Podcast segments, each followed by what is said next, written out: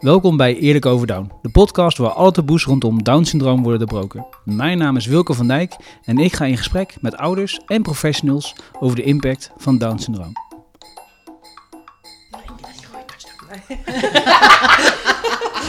Touchdown magazine, koop hem nu.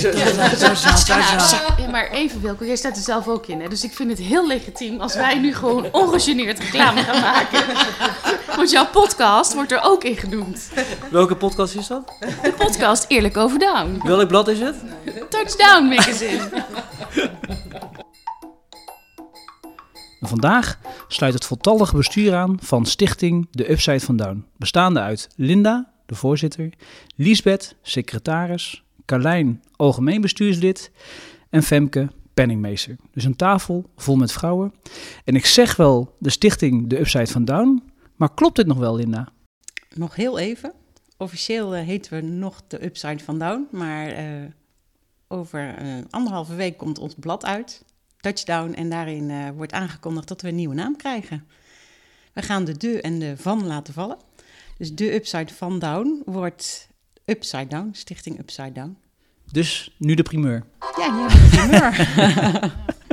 Dus nog één keer voor de volledigheid. Welke, hoe heet het nou? Stichting Upside Down. Waarom de naamswijziging? Die is eigenlijk omdat wij steeds vaker te horen kregen dat men dacht dat we alleen maar over de upside van Down zouden gaan praten. Dus zei, ja, je vertelt toch niet alleen maar de leuke dingen. En daar zou de naam inderdaad op kunnen wijzen. Nou is dat op zich niet erg, want we zijn een stelletje positievelingen. Maar ja, we gaan natuurlijk niet alleen maar over de positieve dingen praten als we het over Down hebben. Dus eh, wij vonden Upside Down wel mooi, omdat ja, als je een kindje met Down krijgt, staat de wereld wel even op zijn kop. Ja. En waarop is die naamwijziging ook een beetje geïnspireerd? Carlijn. Nou, ehm, ja, dat is eigenlijk geboren eh, toen wij ehm, jouw podcast eh, luisterden. Wilco. Daarom haal ik hem even aan. Ja? ja, joh. Ehm, nou ja, goed, jouw gesprek met, eh, met Barry Atsma. ehm, dat was voor ons wel, nou, best wel even een reality check. Een eye-opener, zo zou je het ook kunnen noemen. Maar Barry gaf aan dat ja, hij eigenlijk ja, het, het lastig vond om gesprekken te voeren... in, in zijn rol als, of in zijn, hè, hij heeft natuurlijk een, eh, of had een broer, Rimmert. En waarin hij toch vaak eh, het idee had dat er al- alleen maar positieve geluiden ehm, te horen waren als het gaat om eh, op, opgroeien met een kind met Down. In zijn geval dus een broer met Down. En ehm, hij zei, ja, weet je, er zijn dus heel veel ehm, stichtingen die alleen maar de positieve kant benoemen. Of die alleen maar de upside, zei hij volgens mij zelfs. En toen voelden wij ons toch wel een beetje aangesproken. ja. Ja, eigenlijk wel een beetje veel. Ehm, en want, net wat Linda net zegt, wij zijn positief eh, ingesteld. Ehm, ik denk ook wel dat wij altijd wel eh, het glas half vol hebben.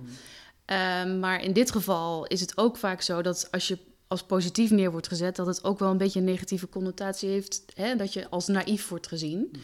Terwijl wij eigenlijk wel heel erg eh, de insteek hebben van, joh, eh, positief zijn is in ons geval zo dat je ook in de momenten dat het zwaar is, altijd wel weer weet van, hè, weet je, ook dit gaat weer voorbij. En dat je toch altijd wel weer iets ehm, ja, positiefs aan de horizon ziet gloren.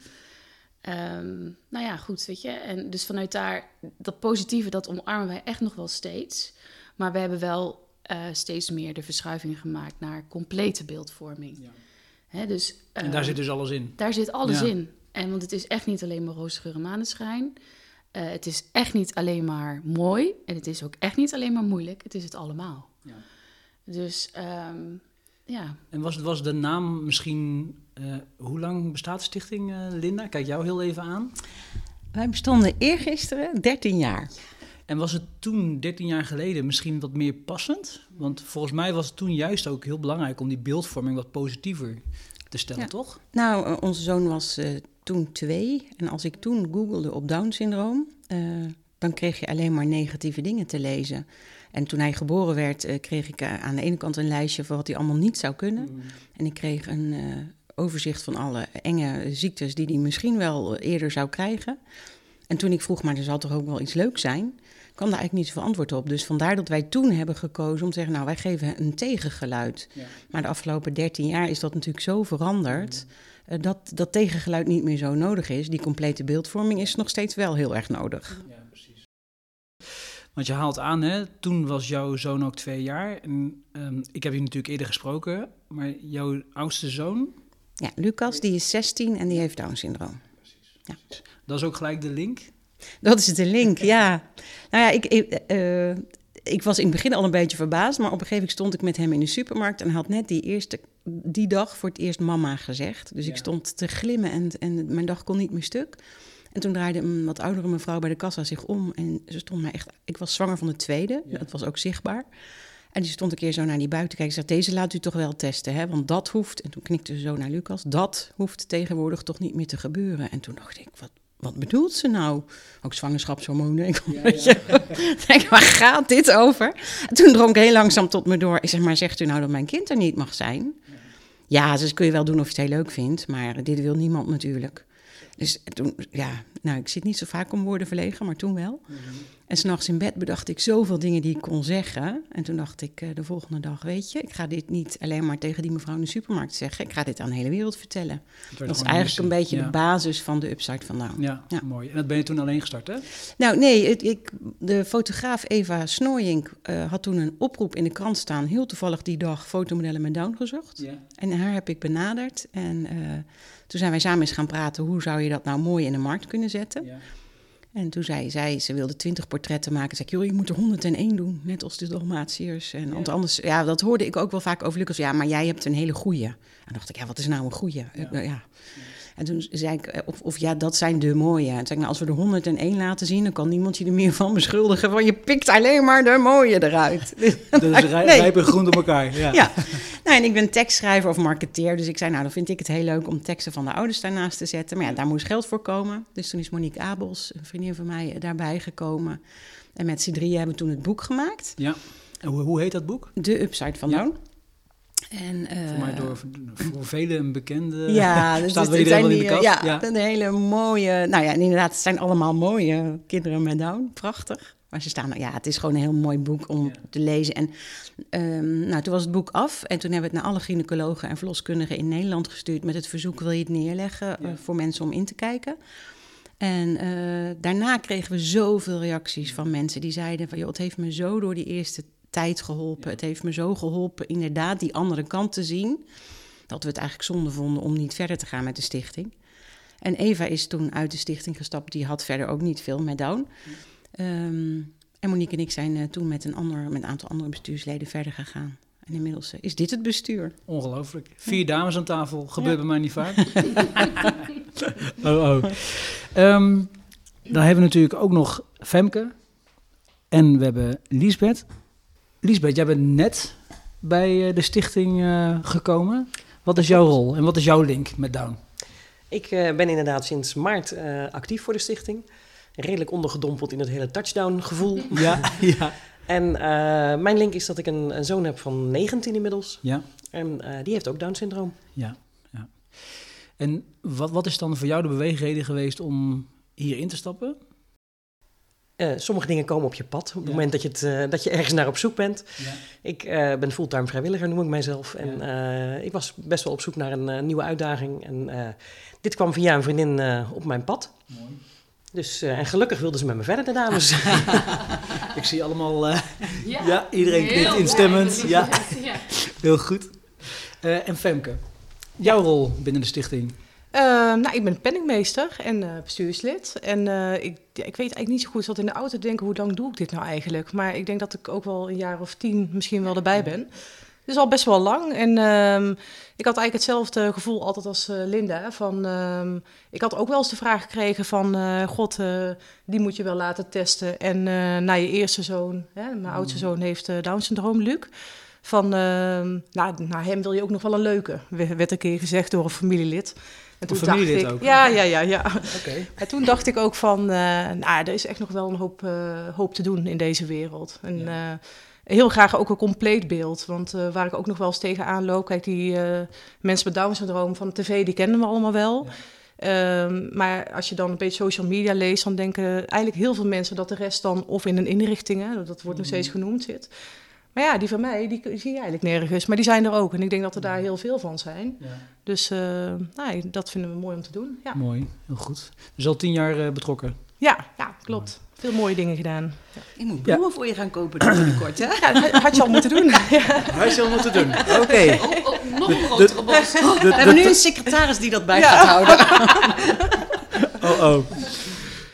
Als jullie het hebben over de stichting, wat doet de stichting dan precies? Aan wie mag ik het woord geven? Nou, dan, dan als voorzitter. Maar Trek hem maar naar je toe. de stichting eh, probeert mensen met en zonder Down-syndroom met elkaar in contact te brengen. Eh, soms persoonlijk, maar ook wel door verhalen, eh, door foto's. een beeld te geven van, van die Down-syndroomwereld. Want toch, als het niet in je directe omgeving voorkomt, zijn de, over het algemeen de ideeën best een soort van achterhaald. Eh, maar zelfs ook dichtbij, want ik, wij zijn vorig jaar op vakantie, of nou voor corona, dat is alweer twee jaar geleden. Twee jaar geleden op vakantie geweest met bekenden, die, die onze Lucas toch ook al een aantal jaren meemaken. En die zeiden na de vakantie, "Oh, viel ons zo mee. We hadden gedacht, nou dat wordt een dingetje met die jongen met Down-syndroom op vakantie. En toen zei ik, ja, maar je ziet toch dat Lucas in ons gezin redelijk meedraait. Natuurlijk zijn regelmaat nodig heeft. Maar ja, hoezo zagen jullie daar tegenop? Ja, wij dachten toch dat jullie het mooier maakten dan het was. En dat hoor je heel veel. En eigenlijk willen we laten zien van, joh, het is, het is anders. Natuurlijk is het anders. Maar als je eh, dat accepteert en je neemt even de tijd om je te verdiepen in iemand met Down-syndroom, dan loont dat zo erg de moeite. En eigenlijk proberen we dat te doen. Een beetje de koudwatervrees weg te nemen. Bij iedereen. Bij eh, leraren, bij eh, klasgenootjes, bij eh, nou noem maar op. werkgevers, scholen. Van geef het eens een kans. Ga niet van tevoren uit van allerlei stereotypen. Maar kijk eens naar de mens, die iedereen met Down-syndroom ook is. Met zijn unieke talenten en eh, zijn eigen eigenaardigheden. Zoals iedereen die heeft. En kijk daar nou eens naar. En leg nou niet de nadruk op Down-syndroom. En dat doen we op heel veel verschillende manieren. Maar wel altijd met dat als, ja, als, Uitgangspunt. ja, Ja. als uitgangspunt. Hoe doen jullie dat dan? Door het fotoboek, door nu een tijdschrift, door voetbal-evenementen. We hebben een keer een eh, congres georganiseerd voor ouders. We hebben congressen georganiseerd voor medici. We hebben de Ink Awards, een soort Oscar-uitreiking voor mensen die het wat ons betreft al heel goed doen. Die al Mhm. veel mensen met eh, een verstandelijke beperking een kans geven. In het kader van inclusie, hè? want daar staat die ink ook voor. Ja, INC, Include All. Eh, En ehm, ja, ook bijvoorbeeld, wij mogen nu op de Universiteit eh, van Nijmegen, Radboud, eh, praten met eh, studenten die dan net de, eh, over geleerd hebben over prenatale screening. En dan gaan wij met ze in gesprek over eh, kwaliteit van leven als je een verstandelijke beperking hebt. En dat ja, zijn hele mooie gesprekken. En wat, wat, wat levert dat op? Want waarom zijn het zulke fantastische gesprekken? Nou ja, ehm, ja, ik zeg altijd, je ziet dan kwartjes vallen. Eh, dit zijn natuurlijk de artsen van de toekomst. Ehm, en wij zijn eigenlijk altijd bezig met eh, die jonge mensen uit te nodigen om verder te kijken dan wat ze in hun boeken leren. Om ehm, contact te maken met degene die je tegenover je hebt. Ehm, en dus ook eh, durven te kijken naar, goh, ehm, als iemand anders is, is dat dan, hè, is dat dan gek of is dat dan raar? Nee, het is anders. En Zonder oordeel. zonder eigenlijk. oordeel. En ja, we beginnen eigenlijk altijd, of althans ik, ehm, inderdaad, met wat is de definitie van gezond? Nou, dat is dan een hele mooie, is een hele interessante. Ehm, want dan zeg ik altijd, maar dan is mijn dochter gezond. En dan zeggen ze, ja, het heeft mijn ogen geopend, want ik dacht aan gehandicapt, Ja. Ja. aan zielig, Ja. aan verdrietig, Beperking. aan lijden. Nou, je, Ja, en je, ja. je leest ook overal dat Down-syndroom heel vaak in dezelfde zin gebruikt wordt als lijden. Ja, Ja, en wat wij proberen te laten zien is dat, eh, nou ja, ik, mijn kind met Down lijdt sowieso Nee, niet. En ik niet. lijd ook niet onder zijn handicap Nee. en zijn broers en zussen, of nou in dit Ja. geval broers. Maar, Ja. eh, dus dat lijden, wat toch wel heel erg in het verlengde van Down-syndroom wordt gezien, daar, dat krijgt ja, een andere lading. nou, sowieso niet eens een Nee. andere lading. Het Nee. is weg. ja. En dat zie je die jonge mensen zich ineens gaan beseffen. Van, oh, maar jij, het komt helemaal niet als een verdrietig iemand Nee. over. Nee, precies. Nee, en dat wilde ik zeggen. Ehm, we, we, we planten zaadjes om ze zich bewust te laten worden van de kracht van taal. Dat we echt zeggen van wees je bewust op het moment dat je een diagnose moet geven, dat je dat niet als, per definitie als een slecht nieuwsgesprek Nee. beschouwt. Want dat is namelijk niet aan jou. Jouw taak als arts is ook weer een compleet beeld te Ja. geven. Ja. En dat is dus niet vanuit je eigen gekleurde bril kijken naar, maar puur het klinische beeld schetsen. Hè? Want dat, dat is natuurlijk dat is de taak van een arts. Ja. En daarmee ook, eh, of, en daarnaast dus, ehm ervaringsdeskundigheid Ja. meenemen. Ja, dus een beetje de, de theorie, een beetje staven met ook met jullie eigen praktijkervaring. Ja, nou ja, dus weet dus je. een beetje een compleet beeld te geven Ja. van hoe het er echt aan toe gaat ja, eigenlijk. ja. en ik zeg ook altijd, weet je, het is geen, eh, het is geen afwijking of eh, soms zelfs ziekte als je dat Mm. googelt. Ja. Nee, ja, dat heb ik de vorige keer ook gezegd. Het is een genetische variatie. Ja, precies. Ja, en daar doe je echt, echt geen tekort aan eh, de diagnose Down. Dat, Nee. Het is gewoon een genetische variatie. Ja. Als ik Nou, daar even op mag inhaken. zeker. Mijn dochter studeert geneeskunde. Ja, En eh, niet aan de Radboud Universiteit. Maar toen zij inderdaad haar colleges had over de prenatale screening en eh, met name over Down-syndroom, ja. toen heeft haar professor zelfs tijdens de colleges op een gegeven moment gezegd: Oh, ik mag zeker niks negatiefs over Down zeggen, want jij hebt een broertje met Down. En dan denk ik dat zij, zij voelde zich ook in het college voelde ze zich ook heel erg. Wat, wat moet ik hiermee? Ja. Wat kan ik hiermee? En dan denk ik dat is Ja. een professor. ja. Die moet de artsen voor de toekomst inderdaad gaan opleiden. ja. En die laat zich zo negatief uit over mensen met Down-syndroom. Ik Super denk heftig. dat moet niet kunnen. Nee, nee, eens. En Eens. zeker niet als je weet dat iemand ook nog inderdaad eh, zelf betrokken is in Ja. de downwereld. Dat kan je gewoon niet maken. Wat, wat doen jullie nog meer? Want ik, ik hoor jullie ook zeggen, hè? Touch, touchdown. Ja, nee, inderdaad, touchdown. Eh, vijf jaar geleden hebben we... Nou, ik zal even bij het begin beginnen. We hadden eh, het boek The Upside from Down dus, Ja. waar we net over vertelden. En we wilden eigenlijk heel graag een eh, vervolg daarop maken. Alleen, ehm, nou ja, goed, hè, we zijn ook een stichting, dus er komt ook eh, wel wat meer bij kijken. En ook een financieel plaatje, mag ik als penningmeester wel zeggen. En, dus toen hadden we bedacht van, ehm, nou, misschien is het wel mooi om een magazine te maken. Want dat is wat handzamer, kun je makkelijker overal neerleggen, verspreiden. Het is een stuk nou ja, goedkoper dus. En, ehm, ja, en, en je kunt er ook heel veel in kwijt. En misschien kun je het ook wel veel vaker gaan uitbrengen. En ehm, dus we hebben eigenlijk toen eh, zijn begonnen met eh, nou, een hele club om ons heen eh, verzamelen. Schrijvers en fotografen. Dat ging eigenlijk heel erg snel en heel erg goed. En de verhalen, ja, we hebben zoveel verhalen te vertellen. En Ja. mensen hebben zoveel verhalen te vertellen. Dus we hadden eigenlijk al heel snel een ja, compleet magazine van 160 pagina's. Deze zou iets dunner worden, hadden we. Ik, Want eh, al 160 zoiets, vonden ja. we wel veel. Tenminste, dat werd gezegd. Maar eh, nee, deze heeft 192 pagina's. Dus En hebben we nog moeten schrappen. we Maar- hebben echt de helft Hey, al uitgehaald. De vakantie komt eraan, zit je bij je tentje, Ja, kan je gewoon ja. lekker kijken. Ja. Nou ja, en hij komt inderdaad net voor de vakantie uit. Dus eh, het was even een race tegen de klok. Maar het is eh, prachtig geworden. Dus. Waarom En een leuk cadeautje. Een leuk cadeautje voor juffen en meesters. Ja, als, Oké. afscheid- als afscheidscadeautje. Oké, side note. Op- Ja, ja, ja. Dus knipt hij er maar niet uit. Femke, je zegt eh, prachtig. Wat, maakt deze dan weer zo bijzonder? Want ik weet, jullie hebben verschillende covers hè, waar je uit kunt kiezen. Ja, we hebben inderdaad eh, vijf eh, influencers gevonden. Althans, of zij hebben ons gevonden, maar we zijn Ja. ermee in contact gekomen. En eh, we hebben dus vijf verschillende koffers, dus je kan eh, nou, kiezen wat je wil. Dus dat maakt het wel eh, heel erg leuk ook. En eh, nou ja, ik denk dat we gewoon in het magazine eigenlijk, we hebben het, zo bekeken, wat willen wij nou als moeder zelf zien? En wat zou de meester interessant vinden om te lezen? Wat vindt iedereen nou eigenlijk interessant om, om te lezen? En eigenlijk hebben we die onderwerpen proberen te vinden.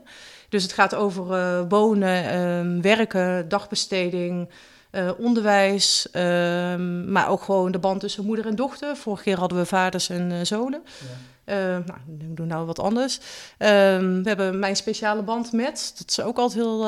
nou, komen ook wel mooie dingen in, naar voren. Ehm, nou, wat hebben we nog meer? Oh, liefde. Heel veel liefde. Oh. ja. Oké, Ja. dus, dus er heel veel voor een hele brede doelgroep. Want ik hoor je Zeker. zeggen juffen, meesters, maar ook ouders dus. Dus, dus voor En werkgevers. Ah, dat was Heel een hele belangrijke. Ja, ja. Waar, waar ben jij nou het meest trots op? In als je kijkt naar thuis, welk thema, welk Nou, kijk, ik ben natuurlijk ook betrokken geweest bij de Inca Awards eh, Ja. met Linda. En eh Carlijn en Lisbeth zijn er daarna bijgekomen. Eh, we hebben daar zoveel werkgevers gesproken. En die hadden een zo mooi verhaal te vertellen... wat zij al bereikt hadden met mensen met beperking in de maatschappij eh, te zetten eigenlijk. Ehm, daar hebben we heel veel van geleerd. En wat we eigenlijk willen is heel graag anderen inspireren. Mm. Dat is eigenlijk eh, de- het hoofdthema wel wat we hadden, zeg maar. Dus andere werkgevers met name inspireren.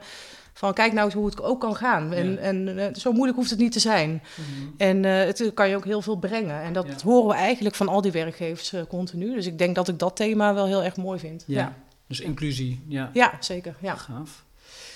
Waar zijn jullie, ja, kijk iedereen even aan, alle dames aan tafel. Ehm, als je heel even kijkt naar, naar, naar het Touchdown magazine, waar, kijk wie, wie, wie, waar ben jij dan eh, het meest blij mee? Wat, wat vind jij echt een onderdeel waarvan je denkt, hé, hey, dat moet je zeker zien, lezen?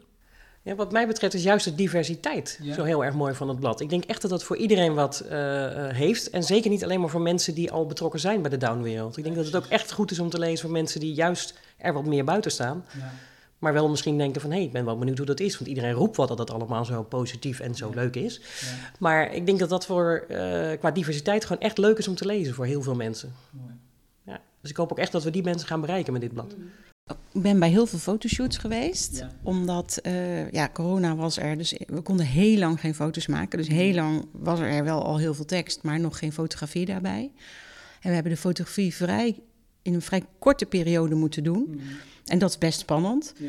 Maar het is zo prachtig geworden dat ik eh, nou, emotioneel was toen ik het voor het eerst bij elkaar zag. Ja, ik, zat ik heb een appje gestuurd naar de andere meiden van ik zit hier gewoon te huilen. Ja, nou, dat, en dat, ik moet zeggen, na 13 jaar heb ik dat niet heel snel meer.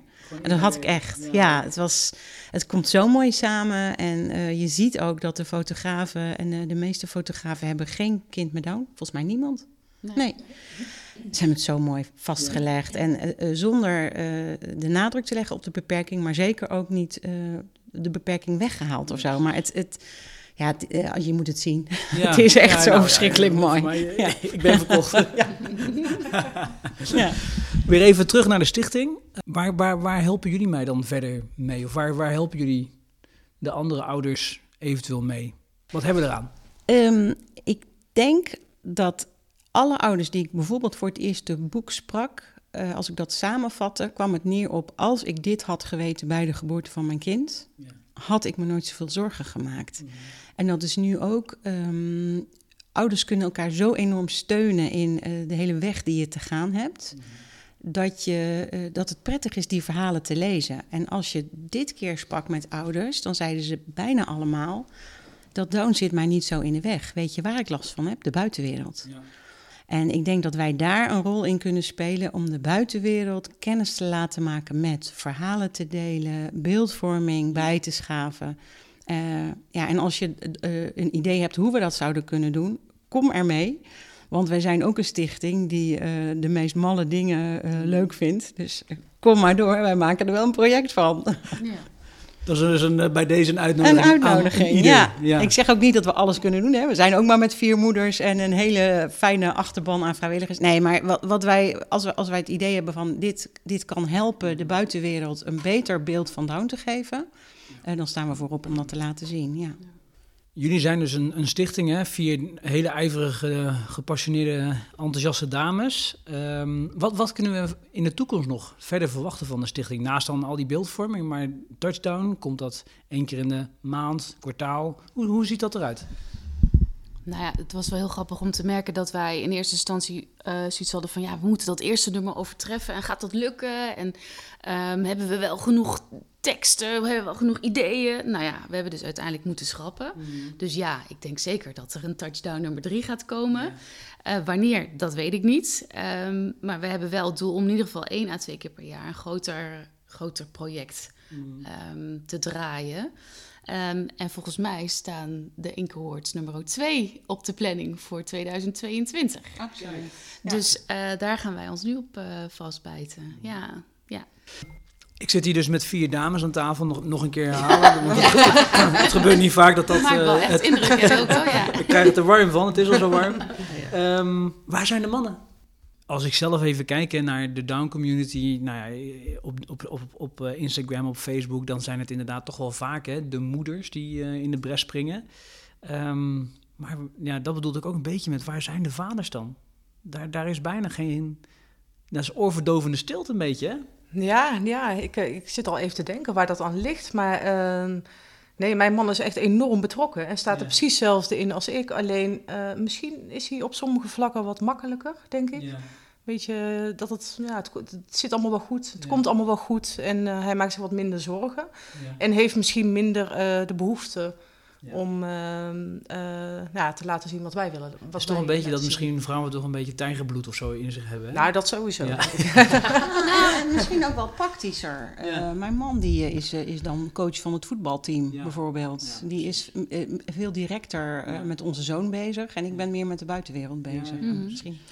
Nou ja, en ik denk ook, want ik heb hier echt, echt serieus over nagedacht. Oh, nou, nou goed. Heel goed. Nou komt ie. Ik ga wel even stil allemaal.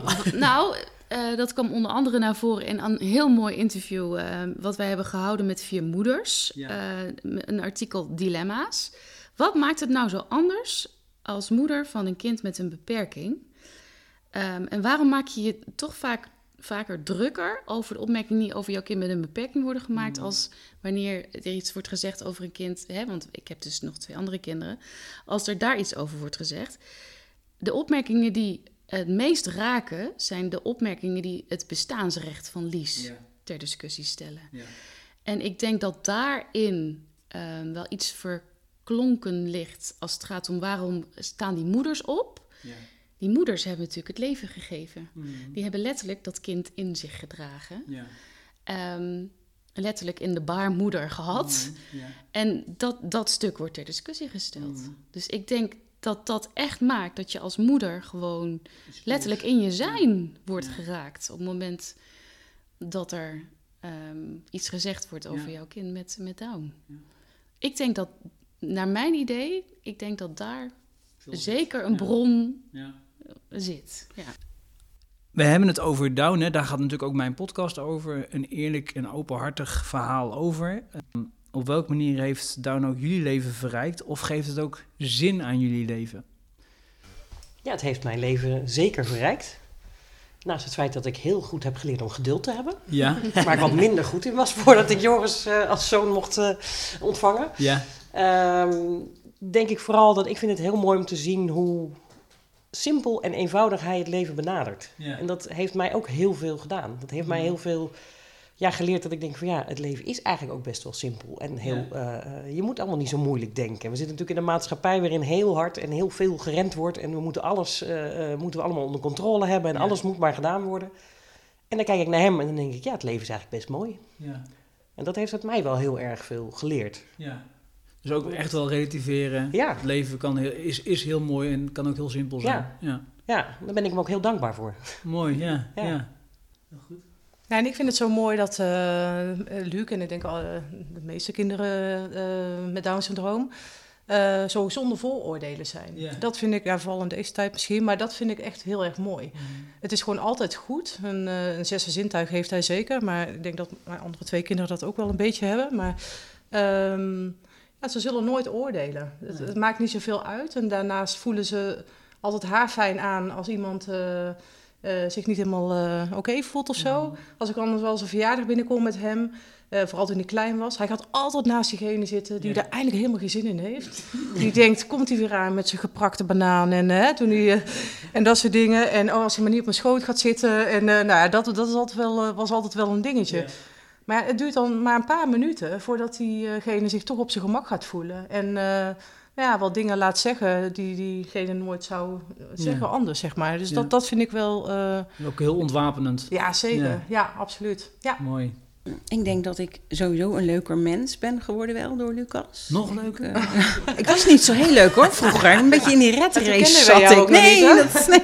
nee ik, was, ik was perfectionist. Ik kon echt over de rooien gaan als, ik, eh, als er in een recept stond dat er zwarte olijven in moesten. En ik had alleen maar groene olijven in huis. Dat vond ik echt heel erg. Dat was echt wel een ramp voor mij op dat moment. Ja, kunt je maar ergens druk over Ja, maken. ja, ja. Ja, nee, ik was echt wel een perfectionist. En toen Lucas ook kwam, toen... eh, ik heb denk ik een andere facet van perfect leren zien. En dat is... eh, ehm, soms kan ik naar Lucas kijken en dan kan ik zo geraakt worden door inderdaad zijn, zijn gemak in zijn zijn. En ik denk dat ik daar ook een leukere moeder door geworden. Het heeft laatst zelfs eh, onze middelste zoon tegen mij gezegd: van, Mam, jij kan.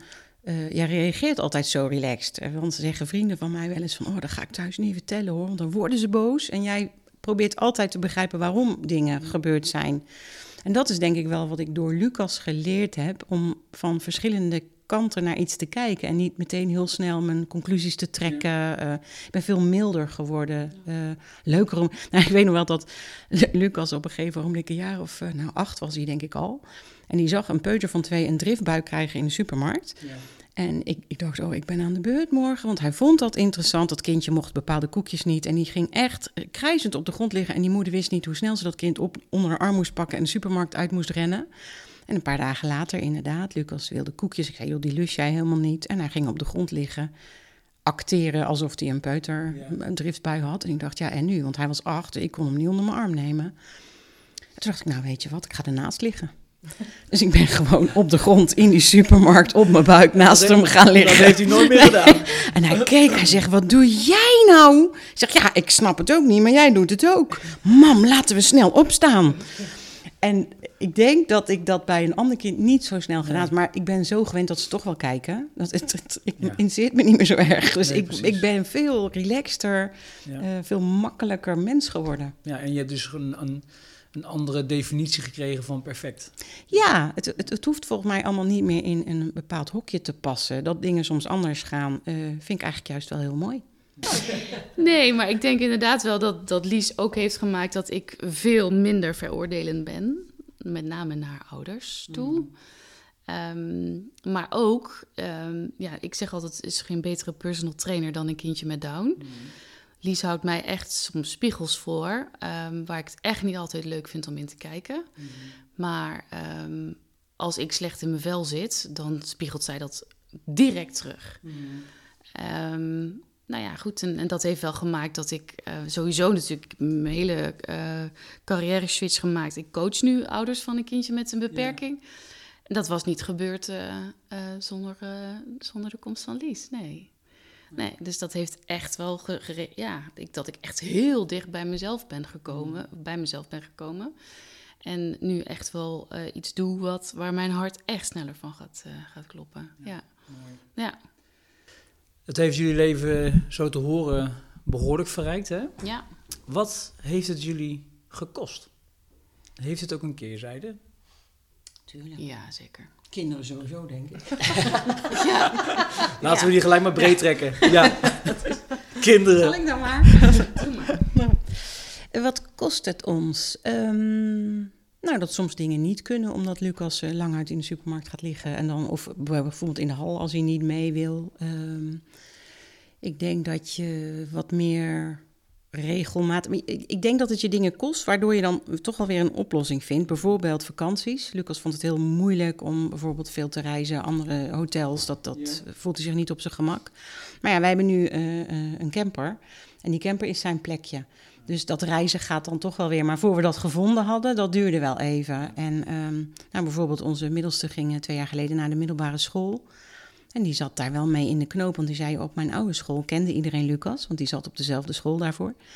Um, hoe ga ik dit nu vertellen dat ik een broer met Down heb? Ja, hoe wil je het vertellen? Ja, maar eigenlijk wil ik het niet zo groot maken. Als ik er echt over ga praten, dan is het zo'n ding. Nou, dan vertel je het niet en dan zien ze het wel als ze bij ons thuiskomen. Ja, zit hij, maar ja, man, dan, dan is het net alsof ik me voor hem schaam, want dan heb ik het niet verteld. Dat wil ik ook niet. En nou, toen hebben we afgesproken dat hij het gewoon af zou wachten tot er een moment kwam. En toen had hij Engels, geloof ik. toen moest hij in het Engels iets over zijn gezin vertellen. En een van die kinderen die had een vader die gekidnapt was in Mozambique of zo. Dus dat was een heel heftig verhaal. Dus nou zei hij, toen viel die broer met Down wel mee. dus dat scheelde. Maar uh, ja, daar zit hij dan wel. En, en dan, uh, als er voor het eerst vriendjes, toen kwamen er voor het eerst. En toen zei hij ochtends aan het Luc, niet ineens in blote kont door de kamer gaan rennen of zo hoor. Alsof hij dat ooit doet, maar goed. Ja, dan, dus uh, het, ja, het, het, ik denk wel dat je een ander gezin erdoor wordt. Of dat echt kosten is. Hmm. Um, maar sommige dingen zijn wel de buitenwereld die je altijd moet vertellen dat je kind ertoe doet. Uh, het gevecht, dat hij naar de gewone gym mag in plaats van uh, de G-voetbal. Uh, het kost je energie, denk ik, ja. als je één woord wil zoeken. Ja, ja. mooi. Mooi ook hoe je middelste zoon dat afweegt, zeg maar. Van hoe, hoe ga ik ermee om? Is ja. nou, heel liefdevol ook.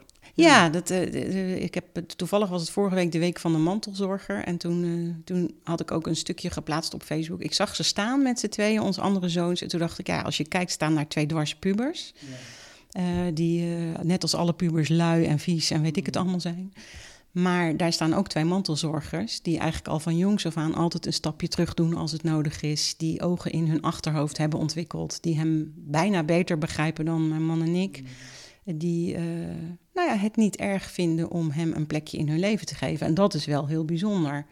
En waar je ook komt op, op school of waar dan ook, en je hebt een bespreking over wie is jouw kind, daar staat altijd, als ah, ze kunnen zo goed verbinden, ze zijn zo ja. meegaand, ze zijn zo sociaal, ze helpen anderen. Nou hoop ik dat ze dat sowieso wel zouden zijn, maar ik denk dat het, het hebben van een broer als Lucas wel daarbij uh, een rol speelt. Ja.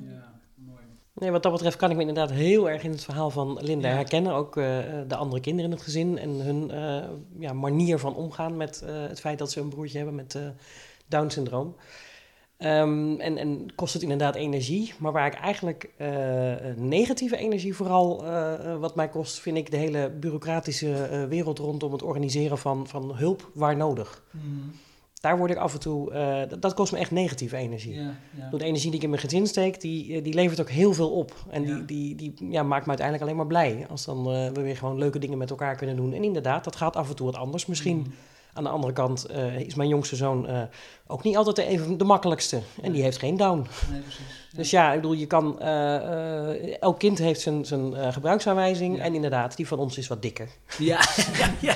dat is een beetje het verhaal. Maar ik, ik vind inderdaad de negatieve energie voor, vanwege de, ja, de hele regelgeving rondom. Daar word ik af en toe wel. en daarmee bedoel je ook aanvragen van PGB of zo? Ja, of, of, ja zo, ja, precies. Ja, dat soort dingen. En dan vooral het feit dat er geen dossieropbouw mag zijn. Dat, er geen, dat ik iedere keer weer opnieuw moet gaan verklaren dat hij toch echt Down syndroom heeft. En dat het nog echt niet genezen is. Het was bij mij zelfs op een gegeven moment zo dat ik bij de, uh, de assistente van de huisarts kwam en weer om een verklaring van Down vroeg. En toen, dat zij gewoon letterlijk zei, wie gelooft het nu weer niet? Ja, Want het, gewoon bij dezelfde instantie steeds weer opnieuw een verklaring moeten inleveren. Ik heb ook echt wel eens een keer tegen iemand gezegd, maar weet u dan hoe het genezen kan worden? Ik vind dat wel, uh, uh, ja, dat, dat kost energie die ik ja. niet zo fijn vind. Nee, de andere energie doe ik met liefde. Ja, ja mooi. Dankjewel. Um, ja, wat ik wel eens moeilijk vind, um, dat, zo, dat kost me niet echt energie of zo, maar um, Luc is natuurlijk 14 en Sarah 6. En uh, de broer van Luc is 12, dus die zijn samen opgegroeid. Dus dat betekent dat heel de omgeving van Luc, die, die, die, van Sam, de broer, die kende Luc ook. Dus het was niet gek, Down-syndroom. Nee. Maar Sarah een stukje jonger. Ja. Dus als hij wel eens vriendinnetjes mee naar huis nam... ja, die vonden Luc toch wel heel erg eng. En dan zat hij op de bank oh, op zijn ja? iPad muziekje te luisteren. Hij bewoog niet eens.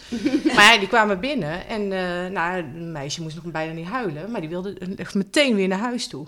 En toen dacht ik... Ja, en weet je, zolang je die dingen blijft meemaken, dan weet je dat er echt nog heel veel werk aan de winkel is. Want dan denk ik, oké, okay, hier gaat ergens iets niet helemaal mm. goed, denk ik. Ik denk dat zij niet zo goed weet wat een uh, kind met een beperking is. Uh, ik heb het haar geprobeerd uit te leggen natuurlijk. Ik vind daar ook wel een taak voor, voor ouders, hè, die uh, dat ook wel zouden moeten doen. En dan zie ik, het, uh, zie ik Saar en die is zo dol trots op, op de broer. Ja. En dan zou je eindelijk, ja, dat, dat vind ik dan wel moeilijk. Hè? En dan ze zegt, oh joh, maar Luc is helemaal niet eng. Luc is hartstikke lief hoor. Kijk maar, Luc, doe eens even dit of dat, weet je wel. Doe, doe ja, de meisje liep nog harder weg, zeg maar, bij van. Ja, dan denk ik van, ja, dat, dat is zonde. En dat, dat, vind, dat vind ik wel eens moeilijk, ja. Ja, dus dan dan da daarom ook nog steeds de missie om, om hier wat mee te ja, doen. Ja, ja zo maak je toch nog, nog wel vaak wat mee. Ja, en dat is uh, echt de buitenwereld. Ja. En natuurlijk word je altijd wel bekeken, dat, dat is zo. Dat ben je ook gewend, mm. dus het maakt niet uit. Het maakt niet meer uit of kleding ik aandoe. Het mag ook heel gek zijn tegenwoordig, want ja, iedereen kijkt toch wel, weet je wel. denk joh. Ja, en kijken hoeft niet eens negatief te zijn, maar het, het gebeurt wel. Nee. Ja. Ja. zeker. Ja. Maar een mooi voorbeeld, ja. Carlijne. Ja, nou ja, mij heeft het vooral mijn slaap gekost. zes jaar. En, zes en veel grijze, grijze haar opgeleverd. Ja. Maar die, die maskeer je ja. mooi. Ja, ja dat, is, is mijn kapster. Iedere, iedere maand weer opnieuw. Nee, ja, wij, wij uh, sliepen tot... Uh, ja, we hebben zes jaar lang gewoon um, ja, doorwaakte nachten gehad. Mm. En uh, nou, gelukkig hebben we daar nu de weg naar de slaapneuroloog gevonden. Ja. Een halfjaartje geleden. Um, en ja, want dat is ook echt iets wat heel uh, regelmatig voorkomt hè, bij kinderen met, uh, met Down, maar ook kinderen met een verstandelijke beperking, dat die een verstoord slaapritme hebben. En um, ja, ik was best wel gechoqueerd toen, ik, toen zij mij vertelde van... ja, maar ik kan jullie zo goed helpen. Toen dacht ik, ja, maar waarom hebben wij daar dan zes jaar lang op moeten wachten? Zes jaar lang. Want het is nogal wat. Uh, en ik, ik weet inmiddels dat er dus heel veel ouders zijn die... Um, uh, worstelen met, uh, met doorwaakte nachten. Ja. En waar artsen toch eigenlijk vaak nog zeggen van eh, ja, dat hoort erbij. Nou, dat hoort er dus eigenlijk helemaal niet bij. Dus eh, nou ja, goed, daar wordt nu ook aan gewerkt eh, om daar wat veranderingen in te gaan eh, brengen. Maar, Dus eh, ja. eh, om, om te voorkomen dat andere gezinnen ook zes jaar ja, zonder eh, slaap zitten. Wat, wat, wat, wat is de tip? Ehm, vraag om een slaaponderzoek. En laat je niet met het wegsturen met dan, we kunnen daar toch niks mee. Want het heeft echt te maken met de expertise die ontbreekt bij de reguliere kinderartsen. Ga naar een goede, naar Kempenhagen, dat is het slaapcentrum. Ehm, en, en laat je niet met een kluitje het riet insturen daarin. Ja, want er, is echt, er zijn echt heel veel mogelijkheden. Als we het toch over tips hebben, we lopen een beetje tegen het einde aan van, eh, van de podcast. Wat, wat, hebben jullie tips? Of willen jullie nog een late, laatste boodschap meegeven aan ouders, aan de gehele doelgroep? Mag allebei, hè? Ook een tip en een boodschap. Ja, sowieso koop, uh, koop Touchdown Magazine. Dit knippen we er ook uit. Wordt niet gesponsord, mensen. Nou, wat ik, wat ik graag als tip zou willen geven is... eh, voor mij hoort Down bij Lucas. Maar ik probeer wel altijd naar Lucas te kijken... eh, zonder dat ik het Down de boventoon laat voeren. Dus ja, hij heeft Down en dat hoort bij hem. En wat, wat Lisbeth net al zei, al zou er een geneesmiddel komen... ehm, ik zou hem niet zonder Down willen, Nee. wel zonder zijn beperkingen. Zonder, eh, ik, ik zou hem gunnen dat hij makkelijker kon praten. Ik zou hem gunnen dat hij een beetje Ja. evenwichtsgevoel had, dat soort dingen. Maar verder probeer ik altijd, eh, maar dat probeer ik ook bij mijn andere kinderen. Alleen daar is het wat makkelijker, omdat Down zo aanwezig is, dat je heel vaak alleen maar met dat Down. En dan denk ik, ja, maar. Laatst zei Frits ook wel, ja, volgens mij is dit helemaal geen Down hoor. Volgens mij is dit karakter. En toen dacht ik, oh, ja. Je probeert bent er elke dag mee bezig, Ja. toch? Ja. en dat ook als ouder trap je in die valkuil. En dus ik zou het tegen ouders willen zeggen, maar ik zou vooral naar de buitenwereld willen zeggen. Kijk nou eens naar wat er wel kan. En kijk nou eens naar de talenten en probeer dat down eens even los te laten. Ja. Dat zou mijn tip zijn. Zonder het te ontkennen. Ja, nee. maar gewoon, Het is er, Ja. maar daarnaast is er nog zoveel ja, mogelijk. hij is ook een eh, heel erg eh, eigen iemand. Ja, precies. En, Ja, zeker. Laat ik maar daarmee gaan. ik ook, ik ook. Nee, het is inderdaad waar. Het, het- is een mens. Ja, En precies. het, heeft toevallig Down-syndroom. Ja. En daar moet je uiteraard rekening mee houden. Daar kan je niet zomaar overheen walsen. Alleen, eh, ja, kijk vooral naar, naar de persoon die het is. Ja. Dat doe je met, met eh, eh, andere kinderen ook. Dus waarom niet met de persoon die Down heeft? Laatste uitbrander. Touchdown Magazine, koop hem nu. Touchdown, touchdown, touchdown. Ja, maar even Wilco, jij staat er zelf ook in. Hè? Dus ik vind het heel legitiem als wij nu gewoon ongegeneerd reclame gaan maken. Want jouw podcast wordt er ook in genoemd. Welke podcast is dat? De podcast Eerlijk Over Down. Welk blad is het? Touchdown Magazine. Ja, en we hebben dan eh, nog een primeur. Nou, we hebben de hele avond al primeurs. Eh, Naast het Touchdown Magazine. Nou, ik, dat, nu ga ik hem niet meer herhalen. Ik heb eh, natuurlijk het voornemen gehad om, om deze podcast op te nemen. Om wat dat betreft bij ouders vooral een mooi inkijkje en een realistisch inkijkje te geven van hoe het er bij ons achter de voordeur aan toe gaat. Nou, daar heb ik eigenlijk mijn, eh, mijn eerste editie op gestoeld. We gaan nu samen met de stichting Upside Down gaan we samenwerken en we gaan veel meer richten op thema's. En daar volgt eh, ja, heel snel eh, informatie over. Maar dat, eh, daar heb ik heel veel zin in en ik vind het superleuk dat, dat we die samenwerking aangaan. Er zijn zoveel mooie verhalen te vertellen. En, die En wil jij is- vertellen, die Ja. willen wij vertellen. Dus laten we ze samen vertellen. Ja. Precies.